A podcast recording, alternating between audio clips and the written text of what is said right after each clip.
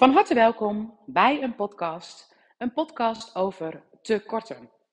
Eerlijk gezegd zag ik vanmorgen een berichtje op Facebook en dat berichtje triggerde iets in mij. En ik weet, als mij iets triggert, dan zit daar ook een verhaal achter voor mijzelf. En dat verhaal, daar kom ik later op terug. Niet omdat ik dat niet wil doen, maar volgens mij heb ik nog iets anders te doen. Wat ik ook mag doen, is als mij iets triggert, dat uit te spreken. Dus bij deze een eerste podcast over wat mij triggert in het berichtje van heb jij ook tekorten? En dat ging over ortomoleculaire geneeskunde, over vitamines, over supplementen en waar jij wellicht tekorten hebt. Misschien als zwangere, misschien als sporter, misschien heb jij bepaalde lichamelijke klachten. En welke klachten heb jij en welke tekorten heb jij dus? Nou, al Ehm, te vertellen over mijn achtergrond. Ik ben uh, osteopaat. Ik heb daarnaast ook heel veel met de psyche gedaan en met de Germaanse geneeskunde. Maar ik heb ook een opleiding gedaan ten aanzien van de ortomoleculaire geneeskunde. Dus ik weet waar ik over praat, ook over tekorten. En ik geloof ook zeker dat bepaalde aanvullingen nuttig zijn. Maar het moment dat we de markt proberen te betreden met heb jij ook tekorten, dan denk ik dat we precies de plank misslaan. En ik ga uitleggen waarom ik dat denk. Want als je kijkt naar de Germaanse geneeskunde, en ja, dat is wel voor mij de manier om te kijken als ik kijk via de biologie, dan is er zowel mentaal een tekort als fysiek een tekort. Oftewel, het maakt echt helemaal niet uit wat je doet. Als we het hebben over voeding bijvoorbeeld, dan kunnen we het hebben over fysieke voeding en mentale voeding. En kunnen we ons volledig gewoon 100% voeden met mentale voeding. Er zijn mensen, ik weet even het dieet niet meer, maar die, die eten niet. En die kunnen daarvan leven. Die kunnen leven van zonlicht, van een bepaalde mindset. En daar leven ze op.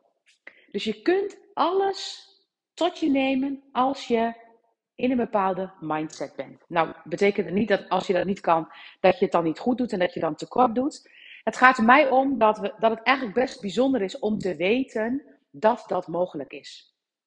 Nou, kijk ik dan naar vitamines en mineralen, dan weet ik ook dat alles een bepaalde trilling heeft. Nou, ik weet niet of je wel eens bij een bioresonantietherapeut bent geweest, maar die checkt ook alles via trilling. Dus eigenlijk alles is trilling. En ik geloof erin dat ik bijvoorbeeld door met iemand te praten, iemand vitamine C kan geven.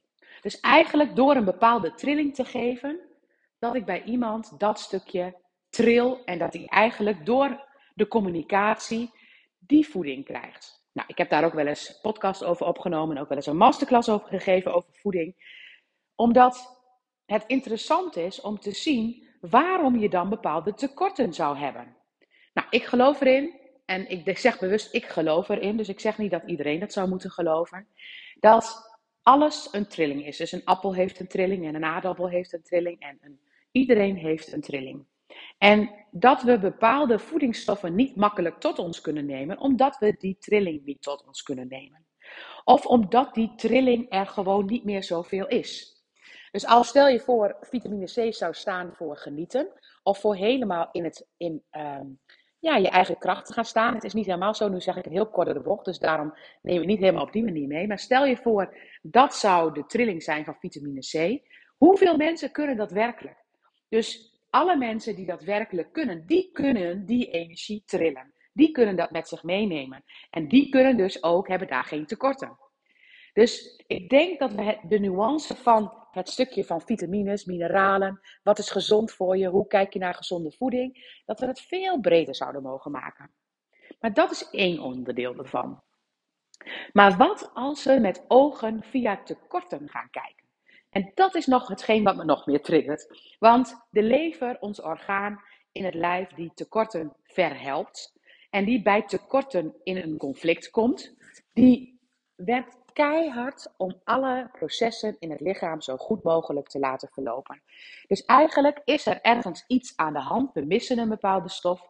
Dan gaat de lever proberen met de voorraden die hij heeft, die processen alsnog weer aan de gang te krijgen. En het moment dat een lever dat aan het doen is, dan maakt, de kan de lever eigenlijk alles maken zoals je dat ziet bij die mensen die dus niks eten. de lever kan alles, die heeft alles. Maar het moment dat wij denken dat de lever tekort heeft, dan gaat de lever werkelijk tekort ervaren.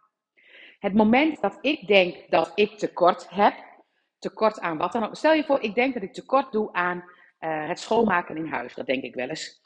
Het moment dat ik dat vind, dan wordt het alleen nog maar erger. Dan kijk ik met ogen van tekort. En dan kan ik ook niet meer anders kijken. En wat als ik die ogen verander? Dan kijk ik met een andere blik. Ervaar ik het anders? Zie ik die tekorten niet? Voel ik die tekorten niet? Tril ik die tekorten niet? En heb ik die tekorten niet? Nou, wat voor punt ik hier wil maken. Het moment dat wij mensen aanspreken op het feit, ik denk dat jij een vitamine D tekort hebt, dan praten wij in tekorten. Ik denk dat die mensen dan ook een vitamine D tekort hebben. Ik weet niet of ze dat van tevoren ook hadden. En het moment dat wij denken dat we omega 3 tekort hebben, ik denk als dat tegen mij gezegd wordt, dat ik dat dan ook denk. En loslatend dat het fijn kan zijn voor het lijf om het aan te vullen, want dat geloof ik wel, is de mindset van ik denk dat er een tekort is. Zo'n mindset waarbij het eigenlijk alleen nog maar meer tekort gaat worden. Want als ik denk dat ik, ehm, als je fysiek iets merkt, is dat mentaal ook zo. Dus als ik fysiek tekorten heb en ik ga dat mentaal bevestigen, dan heb ik nog veel meer tekorten. Dan komt er nog veel meer stukjes terecht.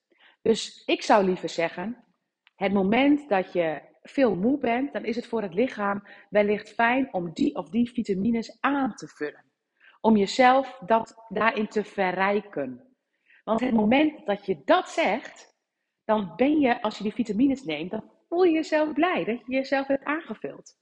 Dat je meer hebt genomen van iets, zonder dat je tekorten hebt. Je helpt jezelf.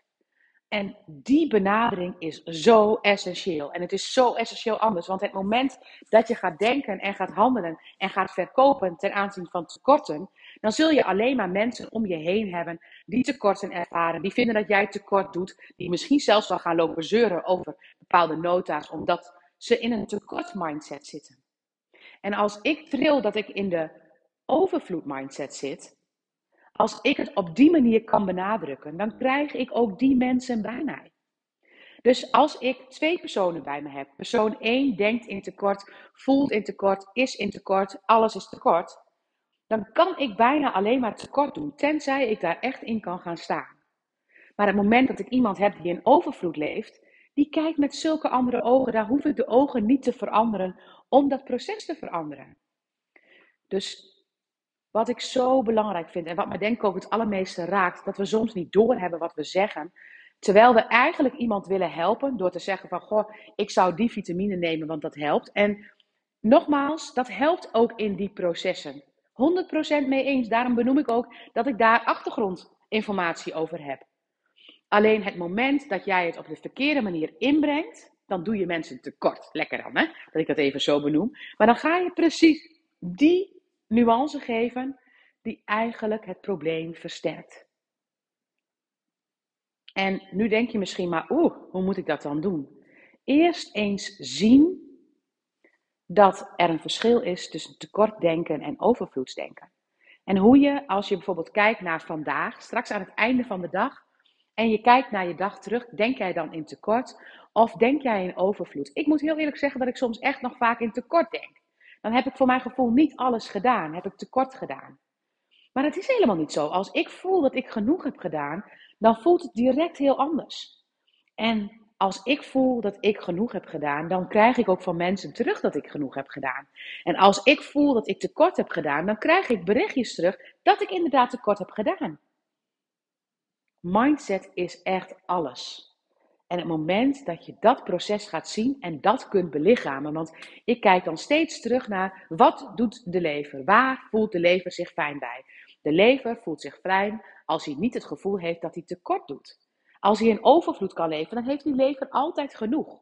En als je dus die mindset kunt hebben als bij dat dieet, en je kunt een mindset hebben dat alles in overvloed is en dat de natuur overvloedig is, en je kijkt met die ogen, dan tril je dat.